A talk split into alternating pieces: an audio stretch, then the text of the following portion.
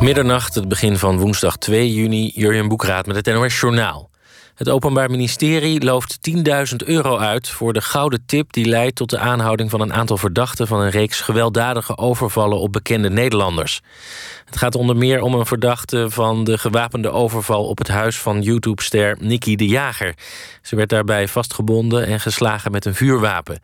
Eind vorig jaar werden al acht verdachten aangehouden, maar de politie denkt dat er nog meer mensen bij de overvallen betrokken waren. In de Amerikaanse stad Tulsa is de massamoord herdacht... waarbij witte bendes 100 jaar geleden... een van de rijkste zwarte buurten in de VS verwoesten. Zo'n 300 zwarte mannen, vrouwen en kinderen werden vermoord... en bijna 10.000 mensen bleven dakloos of hulpbehoevend achter. Voor het eerst was ook de zittende president bij de herdenking. President Biden zei in zijn toespraak dat hij wil... dat alle Amerikanen het hele verhaal kennen.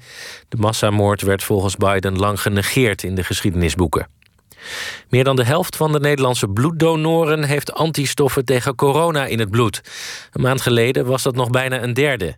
De stijging komt doordat steeds meer mensen zijn gevaccineerd, meldt bloedbank Sanquin. De grootste stijging is te zien bij groepen die als eerste werden geprikt. Zo werd bij 90% van de donoren ouder dan 70 jaar antistoffen gevonden.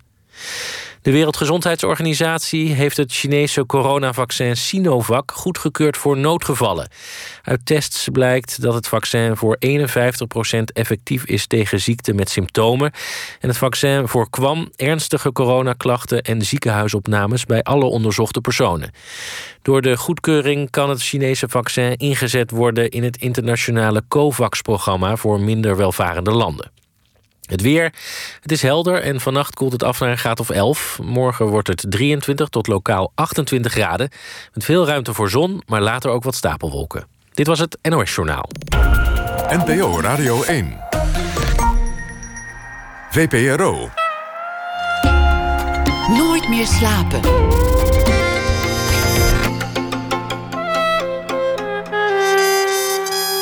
Met Pieter van der Wielen. Goedenacht en welkom bij Nooit meer slapen. Heimwee naar de gevangenis. Je kunt erom lachen, maar het schijnt heel gewoon te zijn. Lang hoeft die heimwee niet te duren, want veel ex-gedetineerden zijn in no time weer terug in de baaiers. Podcastmaker Marjolein Knol raakte gefascineerd door het thema van de recidive en volgde voor haar reeks Buiten de Muren twee gevangenen in het proces van hun vrijlating. Harry en Bram. De namen zijn om privacyredenen veranderd. Beide zijn wat je noemt veelplegers of draaideurcriminelen. De een is zelfs veroordeeld voor moord. En de verslaggever Marjolein Knol zit nu hier tegenover me. Ik kreeg de indruk dat ze aan het project begon vanuit een zekere empathie of idealisme, of hoe je het ook noemt. Maar ik vraag me af in hoeverre dat nu nog intact is. We horen tijdens deze reeks al snel dat de personages in ieder geval niet moeder Teresa zijn. En moeder Teresa was eigenlijk ook helemaal niet moeder Teresa, bleek later, maar dat terzijde. Mensen laten vooral hoop houden in de mensheid. Marjolein Knol is geboren in 1991 en zoals ik al zei, ze is podcastmaker van beroep. Marjolein, hartelijk welkom. Leuk dat je, dat je hier bent. Dankjewel, wat bijzonder dat je hier mag zijn. Wat, wat, was, wat was het moment dat die fascinatie begon voor dat thema van de draaideurcrimineel? En, en uh, überhaupt de gevangenen misschien, ja. Of de gevangenen. Wanneer dacht je, goh, ja, daar, daar moet ik eens uh, mijn tijd en energie in gaan steken? Um, de, ik, ik, denk, de allereerste keer was voor mij uh, dat ik in de rechtbank zat als verslaggever bij Dagblad van het Noorden. ik deed daar ik maakte een live verslag destijds voor, voor, voor Twitter. Constant vertellen wat er gebeurt. En het was een grote zaak. Er waren twee grote zaken. Ik weet even niet meer welke de eerste is, maar de moordbroers in ieder geval. Uh, dat waren twee broers uit, uit Hogeveen. En die hadden drie mensen om het leven gebracht.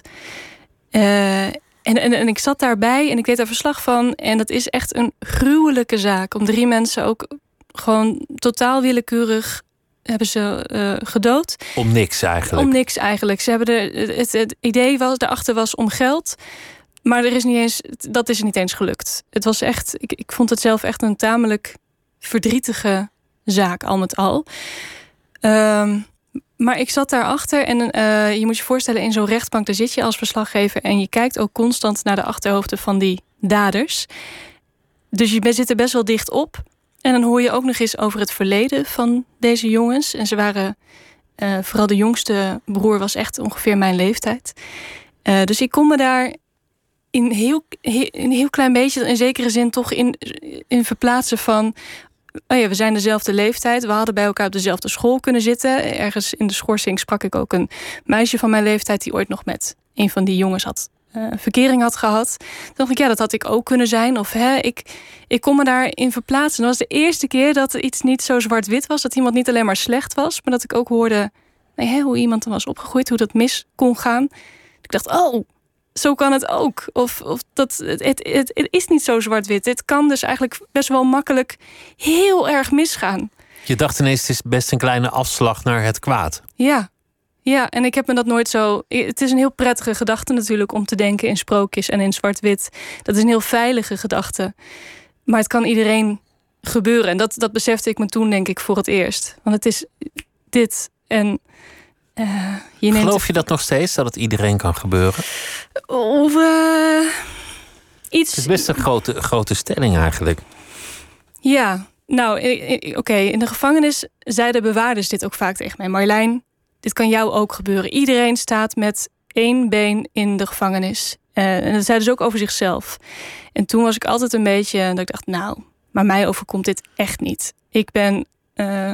Nou ja, een gerechtelijke dwaling, maar dat is een heel ander verhaal. Hè? Dat, je, dat ze gewoon de verkeerde pakken. Maar ja, oh ja, ja, ja. dat doen ze namelijk nog wel eens. Maar, maar gewoon ervan uitgaan ja. dat iedereen alles gedaan heeft waarvoor die zit, wat natuurlijk niet zo is. Maar zou je het kunnen voorstellen dat, dat jij ik had het daar zoiets zou doen. Gisteren nog over met vrienden. Dat, ik, dat, dat, we, dat we tegen elkaar zeiden van ja, maar wat nou bijvoorbeeld? Stel je voor dat je bijvoorbeeld in een, in een relatie zit. En dat het echt dat, je, dat jullie je bloed onder de nagels bij elkaar vandaan halen. Dat het een soort van uiteindelijk een soort van vechtscheiding wordt, maar dat je het nooit uitspreekt.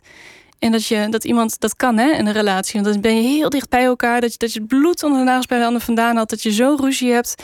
En maar maar het nooit zo kan uit. En dat op een dag dat, je, dat iemand bijvoorbeeld je kind dan nog, ook nog iets aandoet. Hè? Het is je kind. En dat je dan gewoon denkt: Oh, ik ben er zo klaar mee. En in een vlaag van woede uh, een wijnfles naar iemand gooit. En die landt verkeerd op zijn hoofd. En het is mis. Of je bent uh, dronken en je, geeft, je, je, je wordt boos om het een of ander. Omdat iemand iets doet naar een geliefde. En je geeft hem een knal en die landt verkeerd op het stoepje. Ja, god, het zijn allemaal, het zijn allemaal uitzonderingen. Ik, ik kan me nog steeds niet echt voorstellen dat mij zoiets zou overkomen. Omdat ik ook echt. Ik, ben, ik vind mezelf een best wel braaf meisje. Maar toch, toen ik die verhalen hoorde in de gevangenis. en ook hoorde hoe ze daar terecht kwamen. Dacht ik, ja, wie weet. Het is wel mooi gedacht dat iedereen het kwaad in zich heeft. En dat, dat iedereen verborgen kanten heeft, misschien wel verborgen voor zichzelf. En dat het lotje in een, een positie kan brengen maar als wij het er zo over hebben, dan, dan doen we dat natuurlijk toch vanuit een beetje merkwaardige positie, omdat dat wij niet zoveel mankeren. Wij, hebben niet, niet een hele, dan ik weet niet hoe het met jou zit, niet een hele problematische achtergrond of uh, grote psychiatrische stoornissen of uh, heftige verslavingen. Nee, dus we hebben best wel makkelijk praten op dit moment. Klopt, en dat was ook natuurlijk het boeiende. Harry en Bram, de twee mannen die ik volg, die staan zo ver van mijn hele belevingswereld af. Dus het was voor mij ook echt een uitdaging om me in hun te verplaatsen. Want ik ben heel veilig opgegroeid. En af en toe zei Bram ook tegen mij: Marlijn, je begrijpt het niet. En ik denk ook dat, ehm, dat hij daar gelijk in heeft. Ik, ik denk dat ik het vooral in het begin echt heel moeilijk begreep wat hij mij probeerde te vertellen. Dat, dat ik zijn wereld heel moeilijk. En ik, ondertussen kan ik me dat veel beter inleven, omdat ik veel meer nu van hem af weet en zijn denken wat meer begrijp. Um, maar het staat ook natuurlijk heel ver van mij af. Ik zou heel in eerste instantie heel andere keuzes maken. In plaats van te schieten, zou ik 112 bellen of vluchten. Of ja, uh, niet eens natuurlijk een geweer bij me hebben. Weet je wel, dat, dat ja, daar begint het al een beetje. ja, dus dit zijn het, het staat zo ver van me af. Maar dat was voor mij, ja, dat vond ik heel erg mooi om me juist dus te, te willen ook verplaatsen in deze mannen. Van wat maakt nou. Dat was jouw experiment eigenlijk. Kijken hoe dicht je zelf mentaal bij deze mensen zou kunnen komen. In hoeverre je je in hun schoenen zou kunnen verplaatsen. Ja. Je was ook een beetje op zoek naar het kwaad in jezelf. Oh god, ja, ik weet niet of ik het zo zou worden. maar ja, ik denk wel. Uh, om objectief zo'n serie te kunnen maken zoals ik dat nu heb willen doen. heb ik dat wel moeten. Ja, heb ik, ben ik wel. Ik, ik wilde ook heel dicht bij hen komen en hen volledig begrijpen. En Want dan pas zou de podcast geslaagd zijn. Als je, voor als mij je wel. echt in de buurt komt. Hoe makkelijk ging dat? Hoe, hoe leg je contact met deze mensen? Hoe kwam je eraan? Wie bel je dan op? Want ze zitten in de, in de gevangenis. Dus ze hebben geen telefoonnummer, denk ik. Nee, ja, je moet, je, je moet je voorstellen, hiervoor maakte ik al een andere podcastserie binnen de muren. Dat was een eh, portret van eh, gevangenis in het dorpje, een Drentse dorpje Veenhuizen. Die gevangenis heet Esserheem. Eh dus ik was daar al meer dan een half jaar dat ik daar binnen rondliep. Eh nou, en daar heb ik Harry leren kennen. Ehm, en daar wist ik al dat het een heel lang gestraft was. Dus hij zou nog wel eventjes blijven zitten. Maar daar werd dat ideetje zo in mijn hoofd... werd een zaadje geplant. Ehm, dus eh, de gevangenis kende mij ook al. Zij wisten wat ik maakte. Zij, wisten mijn, zij kenden mijn stijl. eh, mijn journalistieke waarden. Zij wisten dat als er iets zou gebeuren... Dat, dat, ik, dat ik, als ik een lang project heb en er gebeurt iets eh, groots nieuwswaardig... Dat, dat ze mij ook konden vertrouwen dat ik het niet direct naar buiten zou brengen. Maar dat ik op de lange termijn kon denken. Ehm, dus ik had al het vertrouwen van de gevangenis om daar rond te lopen. Dat scheelde heel erg. Ik ben het regionaal verslaggever, dus zij, zij kennen mij al een paar jaar. Dat is natuurlijk heel anders hè, dan als iemand van Hilversum daar aanklopt en zegt: Hallo, ik wil graag een podcast maken. Eh, ja, dus dat, dat voordeel je, je had had al ik. een goede ingang. Je had al Precies. vertrouwen. Nou, en Harry die kende ik al van de eerdere podcastserie. Dus toen ik hem vroeg... ehm, hey Harry, jij gaat binnenkort naar buiten over een half jaar. Vind je het misschien goed dat ik je ook dan nog blijf spreken? Eh, toen was voor hem ook eh, eigenlijk vrij makkelijk om ja te zeggen. Hij kende mij ook al en we hadden goede gesprekken gehad samen. Er was wel een klik en eh, hij vond het ook prettig om zijn verhaal aan mij kwijt te kunnen. Je moet je voorstellen, je zit in de gevangenis en aan wie kan je nou je verhaal kwijt? En sowieso, wie komt je nou opzoeken in je cel? Ik zat met deze mannen alleen op hun cel. Wanneer gebeurt dat nou? Is natuurlijk heel uniek. Dus zij voelen zich ook gezien en gehoord. En het is heel prettig om je gezien en gehoord te Blij voelen. dat iemand eindelijk interesse toonde. Ja, en dat was eigenlijk ook zo eh, bij Bram. Zullen we luisteren naar een stukje uit eh, die eerste aflevering om een beetje de sfeer eh, aan te voelen? Het is bijna gezellig in de woonkamer. Harry is hier helemaal thuis. Dat zie je aan alles. Oh, dit is mijn, dit is, dit is mijn broeder. Kom even. Hebben- dat, doen wij, dat doen wij altijd. Kijk, Kijk, kijk. Harmonie. Eh, speciaal, hè? Of zo, hoe doen we dat? Eh, Ik wil hem vragen waarom hij hier zit. Maar dat durf ik Oh, niet. Ik proef het nooit, hè? Nooit. Over delicten wordt niet gesproken in de gevangenis. Zoveel heb ik geleerd in de tijd dat ik hier rondliep. Niet door bewakers, niet door gevangenen onderling. Dat doe je gewoon niet. Alsof het onbeleefd is. Maar ik wil het toch weten. Het voelt belangrijk om te weten. De eerste vraag dan. Hoe lang zat hij al vast? Eh, ja, godsjee. Eh ik heb heel lang... Ik heb eh, mijn eerste straf van 18 jaar... heb ik zes jaar in een beperkt regime gezeten. Dus in een EBI, extra beveiligde inrichting. Boeienregime, BGG, gemeenschap ongeschikt. Ik reken. 18 jaar. Nu weer 9 jaar. Dat krijg je niet zomaar. En eh, ik ben op een bepaald moment heb ik het verdiend om naar een normale gevangenis te gaan. Nou, toen ben ik eh, naar eh Norgerhaven gegaan. Hier verderop. Nou, dat is eh, net zo geweldig als hier. Op dat moment realiseer ik me... Harry zit dus vast voor een levensdelict. Maar ik spreek het niet uit.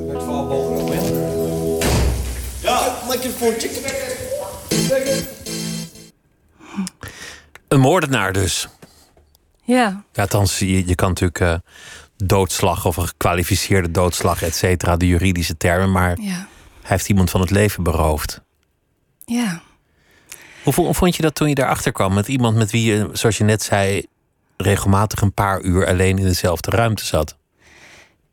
Ik, eh, ik kan me dat moment ook nog heel goed herinneren. Kijk, je moet je voorstellen, Harry zit op de, zoals dat dan heet, lang gestrafte afdeling. Ehm, vrijwel iedereen op die afdeling heeft hè, een levensdelict, zoals dat dan heet. Eh, eh, iemand, iemand gedood, iemand vermoord. Dus ik had wel zoiets gedacht dat Harry ook hè, zoiets zou hebben meegemaakt. Ehm, maar gedaan. toen- je, je zegt Zo- meegemaakt sorry, is, een, is een passieve ja, bewoording. zoiets- het gedaan. ik, ik had wel gedacht dat hij iemand van het leven had beroofd. Iemand, dat hij iemand had vermoord. Eh, maar toen ik daar met hem zat in zijn cel. Za- Het was ook echt. Hij heeft zijn cel best wel knus ingericht. Het is een soort van woonkamer. Hij heeft daar een, een eh, valkparkietje. Hij heeft visjes in zijn aquarium. Hij heeft een gezellig dekbed overtrek. De meeste Het gevangenen best hebben wel dat. knus eigenlijk. Ja, het was ook heel gezellig. Had er een gitaar staan en allemaal cd's en foto's opgehangen. Eh, dus we hadden, het was een heel gezellige sfeer. En ik zat naast hem op, op zijn bed. En toen vroeg ik hem hiernaar. En toen zei hij dat hij niet, een, niet, niet eens één iemand om het leven heeft gebracht, maar twee mensen heeft gedood. En ehm, ik vond dat zo absurd. Ik, ik wist niet. Ik, eigenlijk moest ik op dat moment dus, eh, dat vertel ik ook in de serie, heel hard lachen. Uit een soort van ongemak van. eh, waar ben ik? Wat, wat overkomt mij? Wat is dit? Ehm, maar Met ook, wie zit ik hier eigenlijk? Met wie zit ik hier eigenlijk? Ja, maar ook omdat het zo vreemd voelde.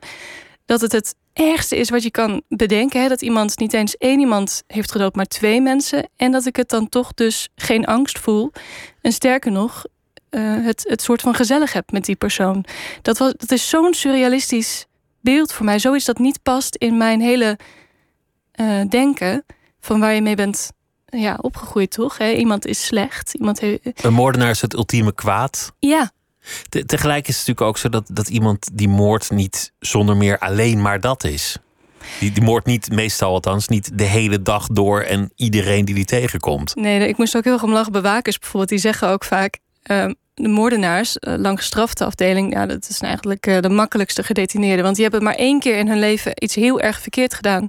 Maar de rest van hun leven hebben ze eigenlijk een heel normaal leven geleid. Dus dat zijn ook heel, heel gemakkelijke gedetineerden... die niet... Bijvoorbeeld, er zijn heel weinig vechtpartijen bijvoorbeeld op die afdeling. Er is heel weinig drugs. Want ze vechten niet als ze doen, dan vermoorden ze iemand. Maar verder...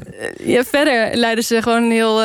Ja, toch wel vaak degelijk leven. Ja, tenminste, het verschilt natuurlijk hè, per persoon. Maar het is heel anders dan iemand die bijvoorbeeld, uh, zoals Bram, die heel veel kleine delicten pleegt, heel vaak een diefstal pleegt en heel veel overvallen en aan de druk zit. Dat is natuurlijk een wereld van verschil. Uh, maar dat, ja, daar moest ik ook heel hard om lachen toen ik dat voor het eerst hoorde. Maar iemand valt nooit volledig samen met zijn daad. Iemand is niet zijn daad. Nee, Je bent altijd niet. meer dan dat alleen. Ja, nou, dat is iets dus ook dat ik heb geleerd in deze het maken van deze podcast, maar ook iets dat ik constant moest uitleggen aan de mensen om me heen, omdat ik uh, daar de mens zag en niet alleen het delict. En de buitenwereld ziet alleen het delict. Dus ik vertel, ja, ik ben met uh, iemand, een, een, moordenaar op pad. En gelijk voel je het in je onderbuik van, oh, help. Marjolein is met iemand op pad die het ergst heeft gedaan wat ik kan bedenken. Terwijl ik Maakten gewoon... mensen zich zorgen over jou? In deze periode dat je dit maakte? Uh, ja, mijn ouders denk ik vooral. Ja. Uh, terwijl ik op zich er helemaal geen angst voelde. Want ik, ik heb uh, ja, natuurlijk meermaals contact gehad. We hebben altijd goede gesprekken. Harry die bijvoorbeeld, die kookte graag voor mij. Dan kwam hij weer aanzetten met Bami of een of ander gerecht wat hij wou proberen. En dan... Ja, dus, dus dat was een heel ander contact. Maar dat is heel moeilijk om uit te leggen. Uh, toch, om datzelfde gevoel zo aan mijn ouders uit te leggen. Mijn vader, die, die, zei, die zei ook gewoon tegen mij... Marjolein, ik vind je echt naïef. Je gaat straks met hem op pad uh, en uh, tijdenlang in een auto zitten... om een huurwoning te bekijken als hij straks vrijkomt. Die man die is uh, jarenlang niet buiten geweest, met een, laat staan met een vrouw... En daar stapte mijn dochtertje van, in zijn hoofd nog steeds zijn, zijn kleine meisje, met hem, met zo'n grootse crimineel in een auto. Um, ja. Ik kan me dat vanuit een vader wel voorstellen, maar waarom zou die jou iets aandoen? Wat is zijn belang? Ja.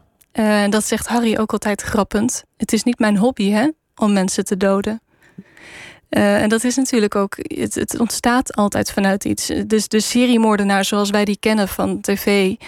Ja, die, die, Zoveel die, zijn dat er niet. Nee, Hoe dus gaat misschien... het eigenlijk als iemand wordt, vrijgelaten? Wat gebeurt er dan? Ik, ik, ik heb meteen filmscènes voor me van een groot hek dat open gaat, iemand die zijn spullen terugkrijgt. Ja, zo gaat, dat is wel, dat, zo gaat het wel echt. Echt waar? Ja, dus je moet je voorstellen, iemand. Um, nee, je moet eerst wat, wat papieren ondertekenen. Hè. Dat gebeurt dan al vaak een beetje de dag voor de, vooraf. Ehm, nou, dan heb je een tijdstip. Of meestal mag je dan s ochtends vroeg al naar buiten. Ehm, en dan loop je langs het bad, zoals dat dan heet in de gevangenis. Dat is de plek waar nou, onder andere uh, spullen worden opgeslagen die je niet mee naar binnen mag nemen. Dat is, dat is best wel boeiend ook om te zien.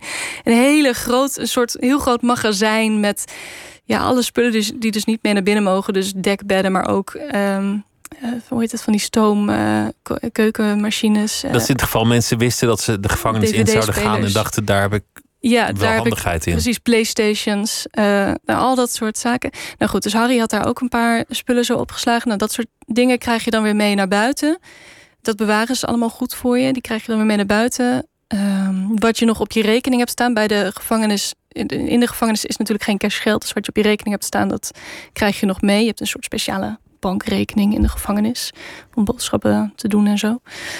Um, nou, dan moet je nog eventjes je vinger afdrukken, zo achterlaten en handtekeningetje zetten.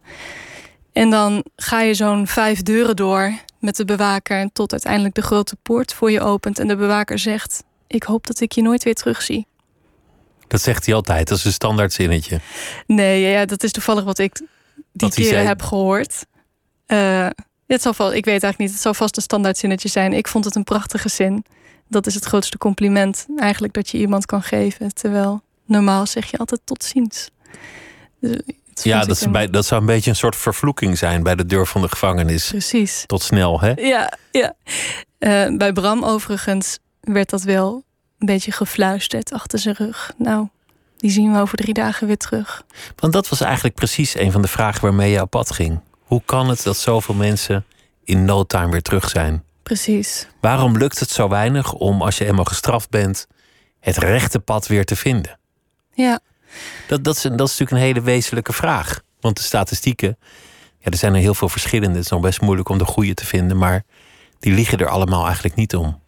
Nee, als je kijkt naar de statistieken, de helft van de uh, ex-gedetineerden komt binnen twee jaar weer in aanraking met justitie. En als je kijkt naar zeven jaar, is dat drie kwart van de ex-gedetineerden. Flink aantal, toch? Dus je zou kunnen zeggen, gevangenisstraf, als dat de bedoeling is, helpt niet. Uit cijfers, uit onderzoek blijkt ook dat uh, zodra je in de gevangenis terechtkomt, gaat uh, de kans op recidive, op dat het misgaat, omhoog. Um, en of dat nou, of je nou drie maanden in de cel zit of drie jaar, de kans op recidive blijft even hoog. Dus het maakt onze gedachten van hè, ga maar lekker op de blaren zitten. Denk maar na over wat je hebt gedaan. Dan leer je het wel af. Dan leer je het wel af. Ga maar even in de hoek staan uh, uh, en uh, kom maar weer terug en zeg sorry. Dat blijkt dus dat het helemaal niet zo werkt.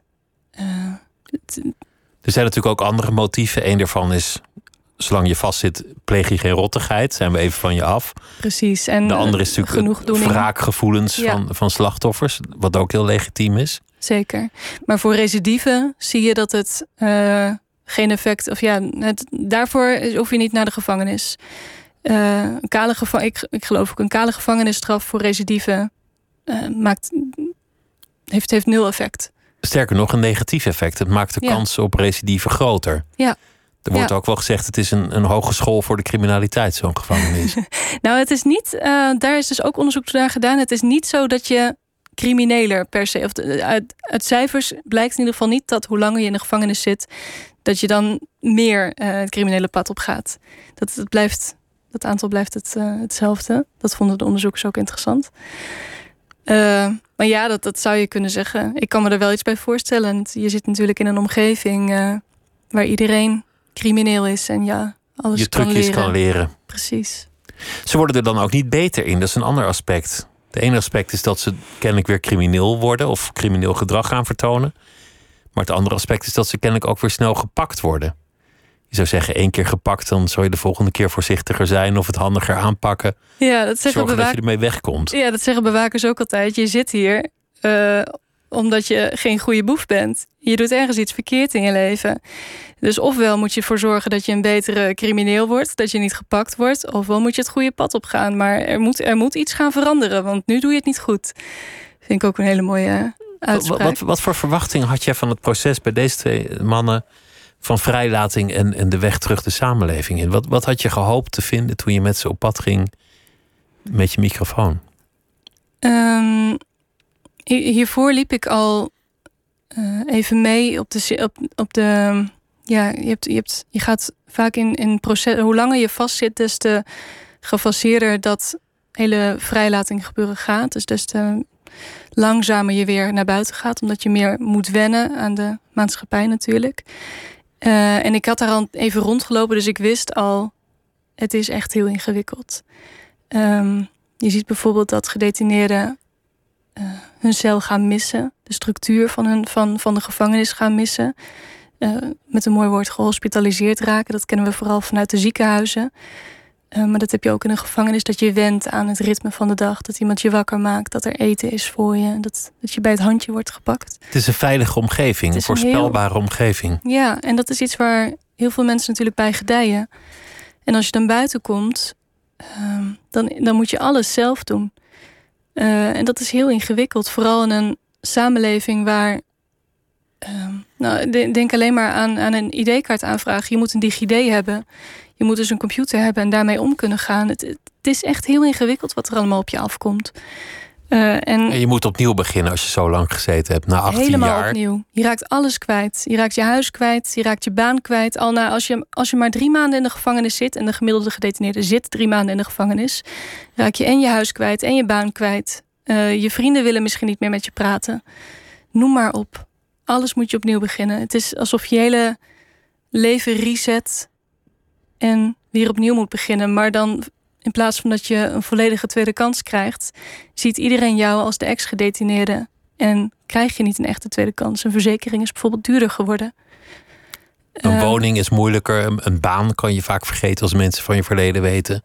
Ja, dat is ook ingewikkeld.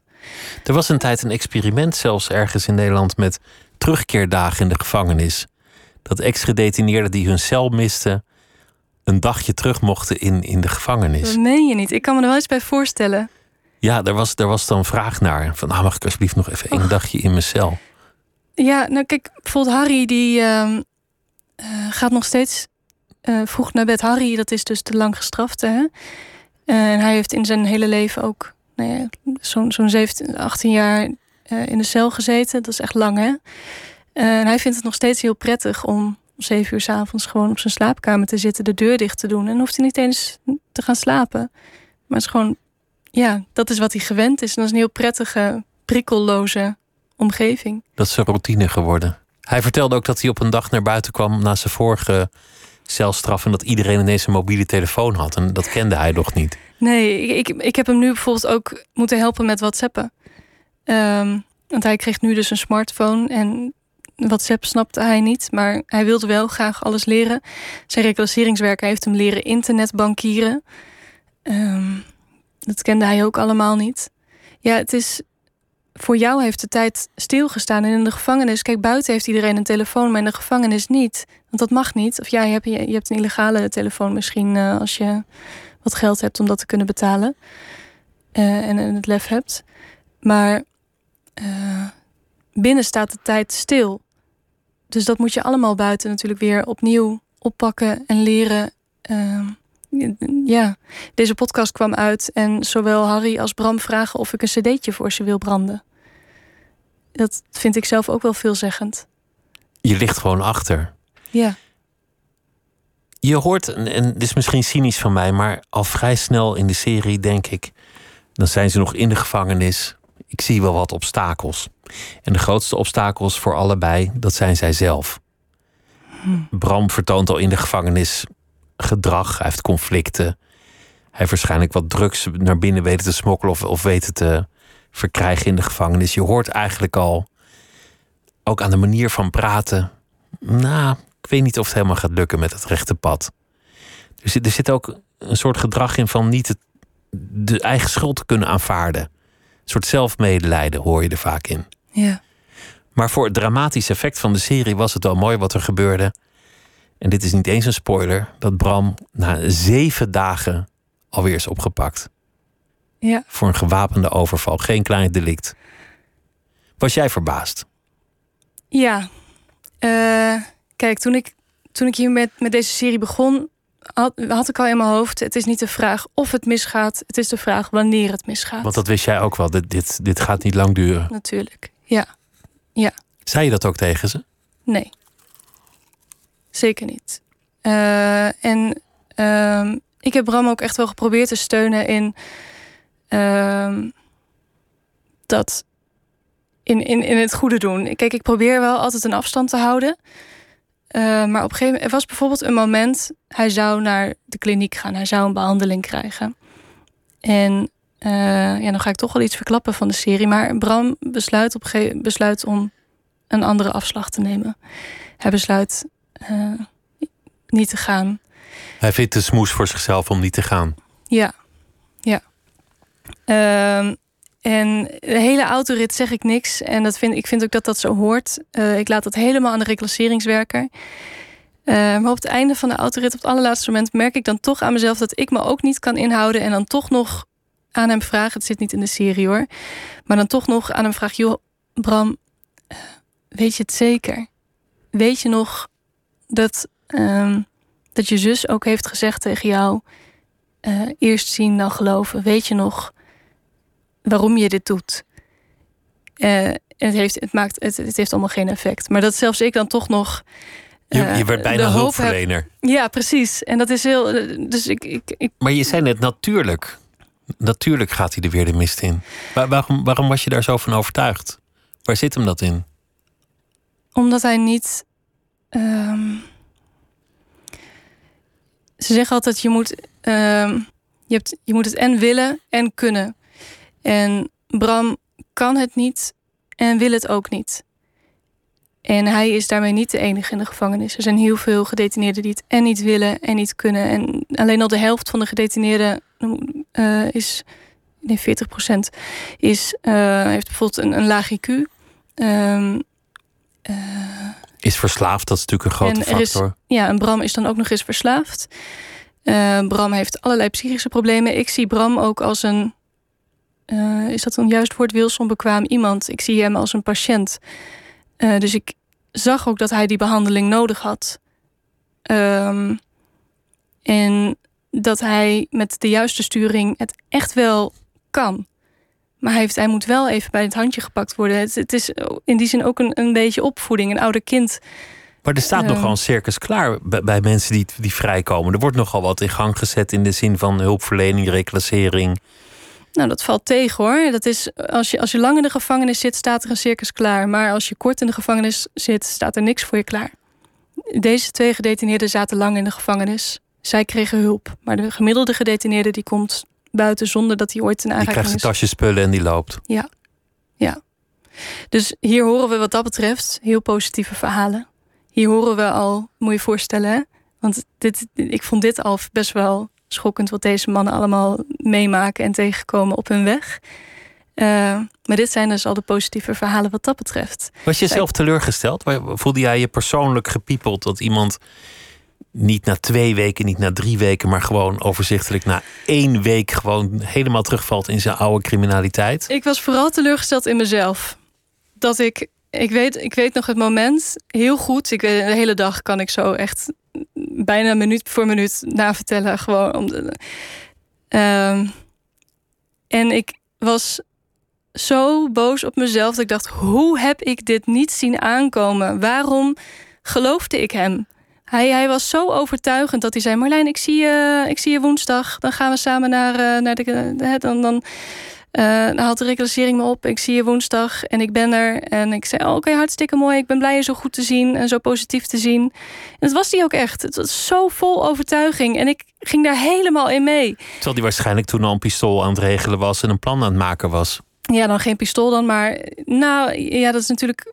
Kijk, hij, hij heeft bijvoorbeeld borderline. Dat is ook iets dat bij dat uh, ziektebeeld hoort. Dat je de ene, het ene moment dit zegt... en het andere moment, het ene moment ja zegt... het andere moment weer nee... Um, en, en ergens ook dat ik toch vertrouwde op de reclasseringswerker, die zich ook geen zorgen maakte. Ik dacht, nou, ik heb de reclasseringswerker ook kritische vragen gesteld. Van joh, maak jij dan geen zorgen? Ik namelijk wel een beetje. De reclasseringswerker zegt, nee, nee, ik maak me geen zorgen. Hij, hij weet het wel te regelen. Dan denk ik, nou ja, als de deskundige zich geen zorgen maakt, waarom zou ik dat dan nog moeten doen? En Bram zelf, die is ook vol vertrouwen. Nou ja, hè, laat ik dan ook maar wat vertrouwen hebben. Laat ik dan ook maar eens mijn wantrouwen varen. Dus je vond jezelf naïef achteraf? Oh, ik was zo boos op mezelf. En achteraf denk ik ook, natuurlijk. Als je een dakloos, als je iemand dakloos op straat zet voor vijf dagen en hij is verslaafd en hij heeft geen medicatie, ja, natuurlijk gaat het dan mis. Um, en dat vind ik zelf ook wel schokkend dat ik dat zeg, omdat je daarmee dus zegt dat iemand geen eigen wil heeft. Eigenlijk. Uh, dat iemand dus niet genoeg in staat is om um, zelf met zijn vrije wil een keuze te maken. Dat is iets wat ik Bram ook heel vaak heb gevraagd. Van, omdat hij dat zelf ook zo ziet. Hij geeft altijd iedereen en alles buiten zichzelf de schuld. En ik bleef hem maar vragen van... ja, maar je bent er zelf toch bij? Je kan zelf toch ook die keus maken? Ja, wanneer word je een actor? Wanneer, wanneer heb jij een handeling in dit, dit het verhaal? Het overkomt je toch niet allemaal gewoon? Maar dat was, dat was waar we het net over hadden. En jij zei wat hem is overkomen. En ik zei toen streng nee, wat hij heeft gedaan. Ja. En het is mij recent in een aantal interviews die ik hier heb gehouden ook opgevallen. Bijvoorbeeld met, met Marco Bakker, die een, een dodelijk ongeluk 100 jaar geleden heeft, heeft veroorzaakt. Dat het, dat het nog steeds niet lukt om te zeggen wat ik heb gedaan. Mensen praten veel makkelijker wat mij is overkomen, wat mij is gebeurd. Het is veel veiliger hè, om dat te zeggen. Het is zo confronterend om te erkennen. Om jezelf als dader te zien. En dat jij dus slecht bent. Wel niet gezegd dat je daarmee helemaal slecht bent, maar je hebt iets maar dat gevoel hebt. slecht gedaan. Precies. Nou, en dat is, maar dat is ook iets natuurlijk dat wij als samenleving uh, uh, iemand opleggen of hè, iemand, iemand dat gevoel geven. Terwijl je hebt, je hebt gewoon één keer een heel grote misstap gedaan. Safa. Ik bedoel, en, en vervolgens moet je weer door. Kijk jezelf aan, erken dat je het hebt gedaan, zie jezelf als dader. Ja. ja ik, ik zeg het heel makkelijk. Maar dat is ontzettend moeilijk. En als je daar niet mee geconfronteerd wordt, ook door de buitenwereld niet. Je hoort het net al, even, je hoort het al in het fragment dat ik zei van. Uh, in de gevangenis wordt eigenlijk niet gesproken over het delict. Want dat doe je niet. Um, en dus op zich zit daar ook de positieve gedachte achter, omdat je iemand dan gelijkwaardiger behandelt. Als je niet weet wat hij heeft gedaan. Maar als je er dus niet mee wordt geconfronteerd, niemand vraagt je ernaar. Ja, waarom zou je er dan zelf over nadenken? In, het is natuurlijk het is gewoon heel erg pijnlijk om na te denken wat jij verkeerd hebt gedaan en wat je iemand anders hebt aangedaan. Um, ja, dus ik, ik kan me daar ergens ook wel iets bij voorstellen. Je, je praat het natuurlijk liever goed. Liever is het jou overkomen, was het een ongeval. Liever ben jij, de, sterker nog, uh, de held en het verhaal. Ben jij de redder en het verhaal? Of was het zelfverdediging? Kon je er niks aan doen? Dat is een nog veiliger verhaal. Dan komen we vanzelf bij je andere personage uit die, die jou eigenlijk iets vertelt over zijn achtergrond en hoe die de criminaliteit in is gekomen. En dat, dat is een, een, verhaal dat medelijden wekt ja. over zijn achtergrond. Je komt er op een zeker ogenblik achter dat dat verhaal eigenlijk niet zo heel erg klopt. Dat, dat je eigenlijk gewoon keihard wordt voorgelogen. Of tenminste dat ik in de bronnen of in mijn archief iets anders lees. Ja. Ja. Ja, ik, ik trok en... al snel de conclusie, er klopt geen hout van. Ja, uh, dat durf ik zelf niet zo stellig te zeggen. Maar in ieder geval, hè, in, mijn, in, in de bronnen die ik heb gelezen, klopt zijn verhaal niet. Uh, en daar had ik zelf best wel moeite mee. De eerste keer dat ik uh, het krant, de krantenarchieven erop nalas, schrok ik ook heel erg van wat zij schreven, wat er was gebeurd. Um, voelde ik denk ik ook voor de eerste keer ja, ik denk dat de eerste keer was dat ik angst voelde. Omdat het zo anders was dan wat hij mij vertelde. Dus dat hij zo glashard kon liegen? Uh, ja, en ik vraag me af of je het dus liegen kunt noemen. Of dat iemand het echt zelf gelooft. Je uh, kunt in je eigen leugens gaan geloven natuurlijk. Precies, ja. Um, dat is daar had ik wel moeite mee. En ik heb er ook heel lang mee geworsteld van wat doe ik hiermee? Confronteer ik hem hiermee? Zo ja, wat is dan mijn doel? is het erg? Um, en ik vond dat een heel lastig vraagstuk. Uh, omdat ik het dus, omdat ik merkte dat ik het wel erg vond. Omdat het heel belangrijk is om. Kijk, wil je recidive voorkomen? Wil je voorkomen dat je weer opnieuw het criminele pad op gaat? Dan wil je inzicht hebben in je daden. Dan wil je kunnen begrijpen waarom je iets niet goed hebt gedaan.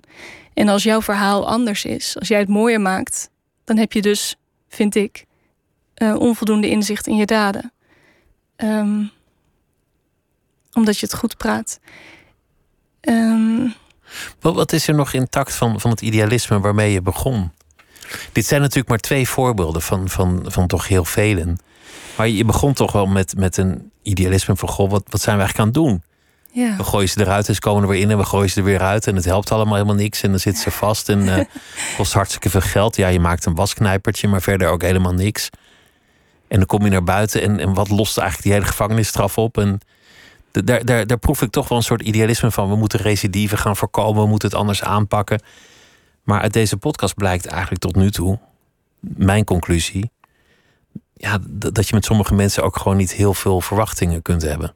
Ja, dat klopt. Dat vond ik zelf ook wel teleurstellend, denk ik, om, om te merken. Ik, ik heb nog steeds hetzelfde geloof dat uh, de stellige overtuiging dat een kale gevangenisstraf voor de recidive niets uitmaakt. En hoeveel je ook doet, want er zijn echt wel pogingen hè, om mensen te helpen in die gevangenisstraf. Ook vanuit de gevangenis zelf zijn er echt wel heel mooie ideeën, dat moet ik er wel bij zeggen. Er zijn echt wel pogingen om deze mensen toch te helpen en op het rechte pad te krijgen. Maar ik geloof niet dat dat voldoende is. Um, en ik denk dat er heel veel behandeling nodig is ook. Bijvoorbeeld, ik geloof wel heel erg in een TBS-behandeling bijvoorbeeld. Dat zie je ook aan de cijfers. Um,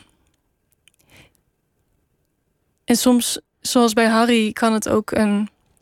Harry zegt bijvoorbeeld: deze gevangenisstraf heeft wel gemaakt dat ik heb meegemaakt hoe erg het is voor mijn omgeving.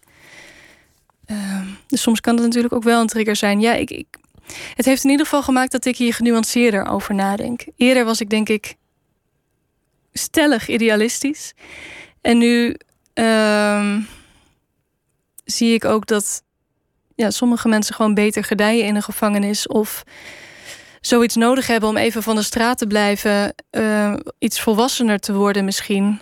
Um, iets ouder te worden en daarmee rustiger. En eventjes die agressiviteit kwijt te raken. Of, even afkoelen. Ja, even afkoelen. Ja, dat klinkt een beetje cru, hè? Maar toch um, even zien wat het, wat het, wat het doet. En, en met je omgeving misschien. Uh, en weer wakker ja, en weer opnieuw beginnen. En het beste ervan hopen. Voor wie net inschakelt, uh, Marjolein Knol zit tegenover mij. Die heeft een uh, podcast gemaakt buiten de muren over recidive. Waarin ze ex-gedetineerden volgt vanuit de gevangenis. Terug de vrije samenleving in en weer terug de gevangenis in uiteindelijk. Um, je, je, vertelde iets over je, over je achtergrond. Want je zei, ik heb eigenlijk een hele veilige achtergrond. Eigenlijk een heel fijne jeugd denk, ik denk dat veel daar toch ook wel in zit waar je vandaan komt, hoe je bent opgegroeid en uh, wat je hebt meegekregen van huis. Dus in die zin heb je het ook weer niet voor het zeggen.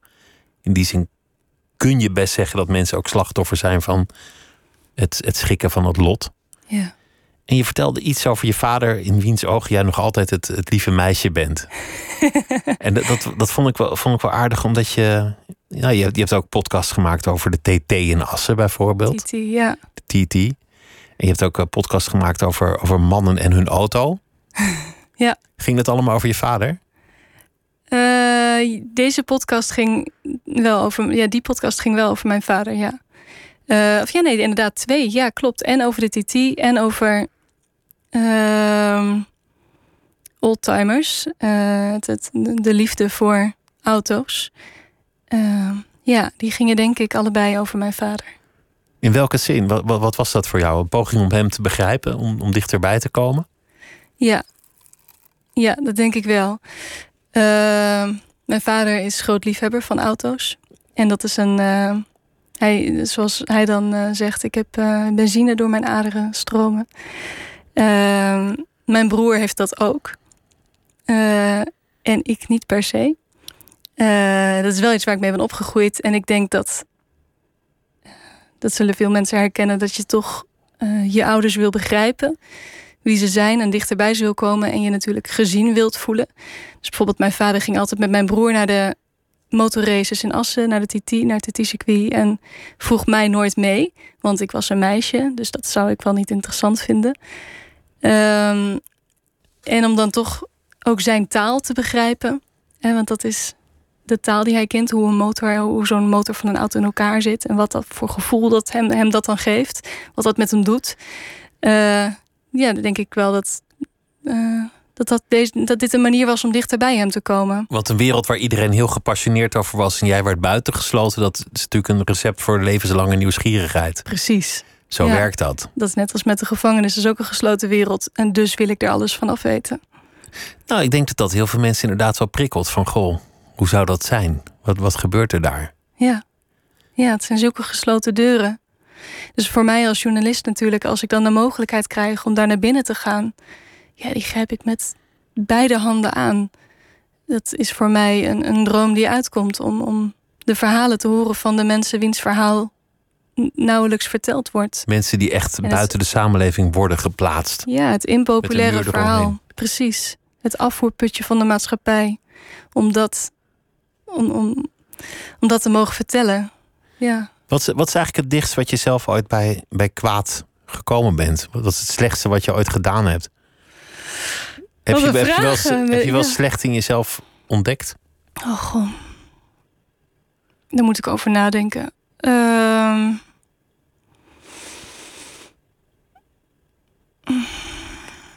Nou ja.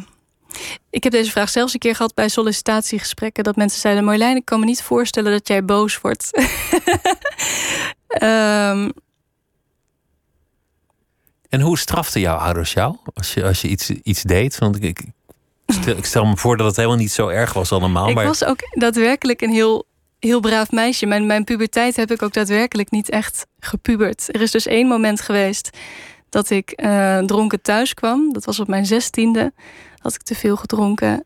En midden in de nacht kwam ik thuis en lag ik, eh, hing ik boven de wc. En toen hebben mijn ouders twee dagen niet tegen mij gesproken.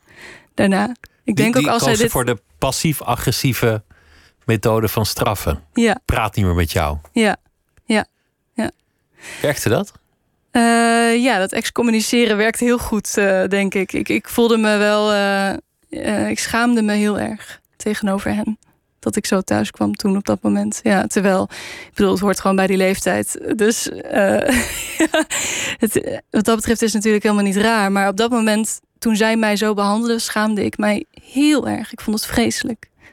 Ja, mijn broer die was gelukkig heel lief. Die bracht me cola en die. eh, dat en was mijn- aspirine en, Ja, ja, en je had het alweer afgeleerd. Ja. Er, er lijkt ook wel een soort overtuiging aan ten grondslag te liggen... Aan, aan, aan wat je vertelt over je werk van... we mogen eigenlijk mensen niet helemaal laten vallen... of we mogen mensen niet helemaal opgeven. Je worstelt ook een beetje met, met je eigen teleurstelling... omdat je het gewoon niet graag doet. Dat je mensen moet opgeven of zeggen van... nou ja, het zal eigenlijk nooit wat worden... of meer hoef je niet te heel erg, verwachten. omdat ik ook oprecht vind dat iedereen een tweede kans moet krijgen. En zo ben ik ook met deze serie begonnen. En dat is ook wel iets. Is dat iets gelovigs of, of hoe zit ja, dat? ik denk het wel. Ik, ik, ben, ik ben wel gelovig opgevoed. Eh, mijn ouders die zijn allebei eh, eh, christen. Het is niet dat wij elke week naar de kerk gingen. En nu ook nog steeds ben ik niet kerkgaand. Maar ik zou mezelf wel christen noemen. Ehm, en inderdaad, dat, ik heb wel sterk de overtuiging iedereen, dat, dat, ik, dat iedereen vergeven moet kunnen worden. Ehm, en dat iedereen een tweede kans verdient. Dus dat, ja, dat zit er wel in. Is ook een mooie gedachte op zich, als je het zo zegt. Ja, ja dat, dat, dat denk ik ook. Maar ehm, ik merk toch in de praktijk dat ik daar. Ik het toch eh, dan het impopulaire verhaal vertel. En, en dat mensen mij soms een beetje zien als een paradijsvogel dat ik zo over gedetineerden praat. Ehm, ik was bijvoorbeeld verslaggever voor RTV Drenthe. En ehm, nou, bijvoorbeeld, ik, ik, ik maakte een verhaal over eh, mensen die in een soort van kraakpand leefden. Zij leefden op een, eh, bij, bij pretpark De Vluchtheuvel in Norg. Dat was helemaal afgesloten. Het pretpark bestond niet meer en mensen leefden daar zonder gas, water, eh, elektriciteit. Ehm, en er waren ook een paar junkies bij. En ik maakte daar een verslag van, van hoe zij leefden daar. Zij moesten daar weg en dat vonden ze vreselijk. En ik vond het prachtig om te zien hoe zij daar leefden. Eh, en ik genoot heel erg van dat tv-item. Om dat te maken en deze mensen te ontmoeten.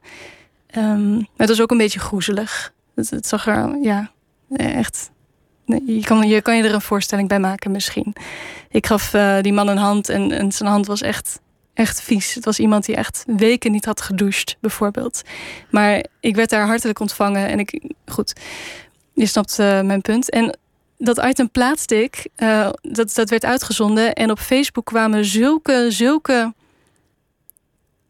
heftige uh, negatieve reacties binnen. Van op sodemieteren die lui, gooi ze eruit. Wat belachelijk dat ze daar zo lang konden zitten. Uh, zulke zware...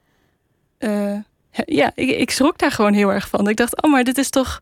Maar zulke, ja, zo'n berichtje is snel getypt natuurlijk. Ja, natuurlijk. Maar dat is wel, denk ik... nou, ik weet niet of het de gemiddelde Nederlander is... maar wel een groot deel van onze samenleving die, die ook zo denkt. Ehm, In die zin wel een, wel een hele harde, niet vergevingsgezinde samenleving. Ja. Mensen denken altijd dat zij het goede zijn, dat het hun allemaal niet zal gebeuren, dat zij het niet in zichzelf vinden. Ja, en, maar... en vinden ook eigenlijk dat iedereen meteen levenslang of de doodstraf moet krijgen. Kijk maar naar uh, als, als, als hulpverleners worden aangevallen, dan moet iemand in de gevangenis, hebben we nou afgesproken. Uh, en dan mag iemand geen taakstraf meer krijgen heeft de politiek gezegd. Nou, dat is iets. Uh, of de laatste tien jaar is VVD natuurlijk aan de macht geweest. En dan zie je dat er langere gevangenisstraffen zijn. De maximale straf voor doodslag is omhoog gegaan van 15 naar, uit mijn hoofd, 25 jaar. Um, ja, dus, dus je ziet dat, er, dat, dat wij ook, dat de roep vanuit de samenleving ook is om langere straffen. Die rechtse roep ja, het, het is iets dat leeft. Het is, het is ook een comfortabele gedachte natuurlijk. Ik, ik moet je wel zeggen, ik, ik ken een aantal verhalen, ook, ook vanuit dit programma, waar, waarin de slachtoffers echt benadeeld zijn, niet beschermd zijn door de samenleving. Mensen op vrije voeten waren die nooit op vrije voeten hadden mogen zijn. En, en dat, dat dan de, de nabestaanden van, van het slachtoffer eigenlijk ook helemaal niet terecht kunnen bij het loket van de overheid. Het is pas heel recent dat het slachtoffer een rol krijgt in een strafzaak ja. veel te lang over het hoofd gezien. Ik wil niet zeggen dat je dat oplost met meer repressie, maar ik vind het wel een goede ontwikkeling dat slachtoffers een stem krijgen. Is het ook, denk ik. Ik denk dat zoveel mogelijk kanten van het verhaal uh, gehoord moeten worden en dat is ook heel goed. Maar om alleen maar naar het slachtoffer te luisteren, wat in de media natuurlijk heel makkelijk is om het slachtoffer een stem te geven. Want immers, de dader die kun je ook letterlijk gewoon niet spreken. Die zit namelijk in de gevangenis. Ja, dat is dan weer de andere kant, de andere uiterste voor mijn gevoel. Want zo iemand, het idee. Kijk, als iemand niet meer vrij mocht komen, dan moesten we maar levenslang geven. Maar wij leven niet in een samenleving waar we uh, iedereen maar levenslang geven. De gemiddelde Nederlander, nogmaals, die zit maar drie maanden in de gevangenis. Dus die komt weer vrij. De gemiddelde gedetineerde de, Sorry, ja. ja, excuus. De gemiddelde gedetineerde die zit maar drie maanden in de, in de gevangenis. Uh, dus als zo iemand dan vrijkomt, dan moet hij ook wel, vind ik, daadwerkelijk een tweede kans krijgen. En ik snap dat voor een slachtoffer uh, dat heel veel emoties losmaakt. En dat is ook logisch. En als, wij daar, als er iets aan gedaan kan worden, dat bijvoorbeeld uh, de dader in een andere plaats kan gaan wonen, dan moet dat direct gedaan worden. Maar geef zo iemand wel daadwerkelijk dan een tweede kans. Want dat is namelijk het enige eigenlijk wat wij kunnen doen dat het niet weer gebeurt. En dat is toch, lijkt mij het doel. Dat we willen dat we een veiligere samenleving hebben. Dat we hopen dat iemand niet weer een delict pleegt.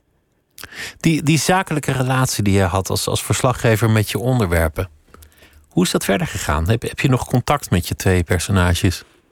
Um, ja, af en toe. Nu sowieso nog, want de serie loopt. Uh, kijk, officieel heb ik het laatste interview met ze gehad. Ik heb ook afscheid van ze genomen. Ze bedankt dat ik ze mocht blijven volgen. Um, maar je moet je voorstellen, ik heb ze bijna twee jaar gevolgd. Um, en elke maand, op zijn minst elke maand gesproken, al dan niet uh, elke week. Um, dus het is ook, ja, het is. Op heel bijzondere momenten ben ik daar natuurlijk bij geweest. En nou, bijvoorbeeld zoals Harry, die belde mij dan laatst dat hij de aflevering had gehoord.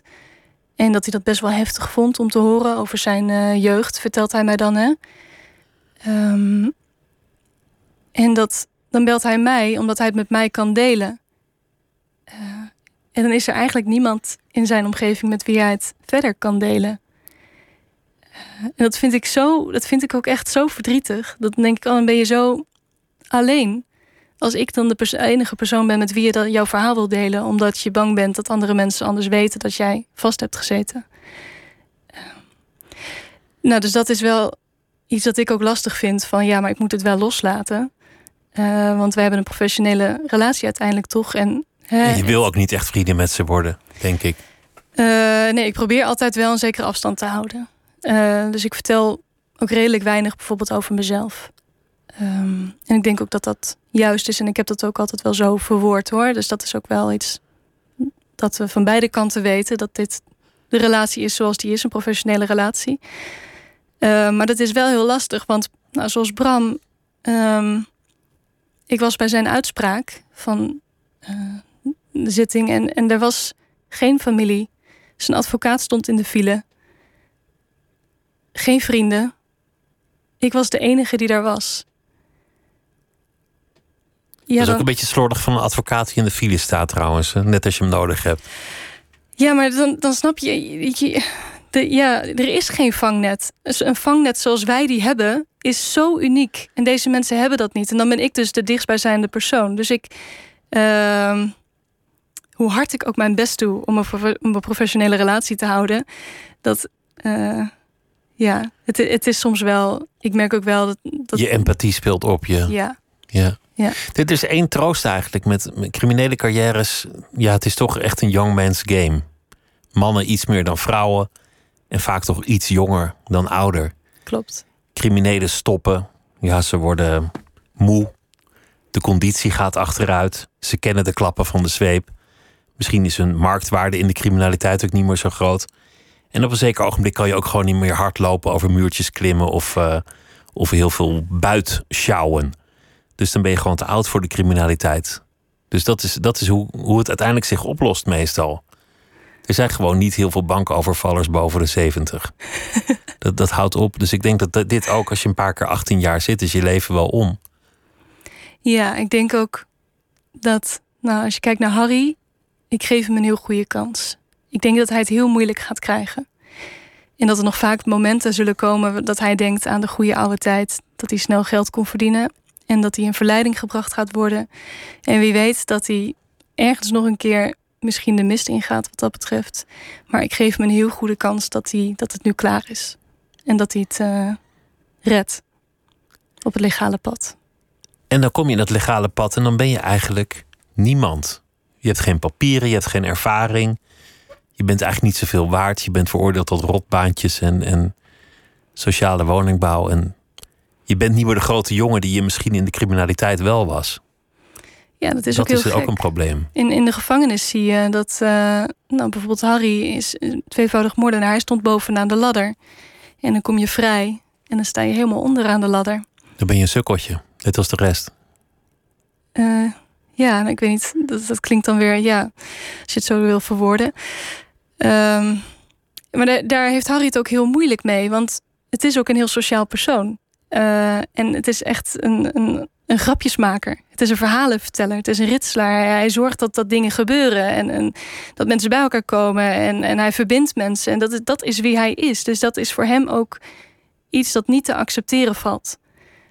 Um, dus ik geef, ik geef hem daadwerkelijk een goede kans dat hij het redt. Maar ja, het, het, is iets dat waar ik ook van denk. Um, wat, wat, wat we maken het ook alleen maar erger als wij iemand veroordelen als samenleving. Je moet je voorstellen. Als je hem afstoot, als je hem de deur wijst. Ja, ja, want ergens is een breuk ontstaan tussen dader en samenleving. Uh, dat kan zijn in, in, in, de jeugd, dat kan zijn in, in tienerjaren of, of twintig jaar. Ergens is een breuk ontstaan. Dat je dat gevoel hebt dat je er niet meer bij hoort. En die breuk moeten wij helen. En als wij zeggen, je bent inclusief, we vergeven jou, dat is hoe het zit. Je hebt je straf uitgezeten. Een schone lei. We proberen het nog een keer. Er zijn nog uh, meerdere afleveringen op komst, voor wie ze allemaal al gehoord heeft. En uh, de serie Buiten de Muren is uh, te vinden ook via de site van NPO Radio 1. Marjolein Knol, dankjewel dat je langs wilde komen. En ik wens je heel veel succes met deze serie en met alle andere dingen die je doet. Dankjewel. Dankjewel dat ik hier mocht zijn. En dit was Nooit meer slapen voor deze nacht. Een goede nacht en graag weer tot morgen.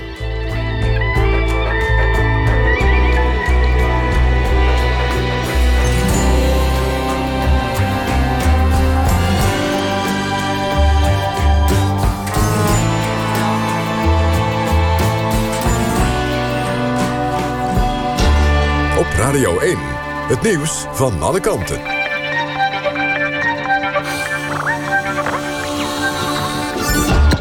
NPO Radio 1.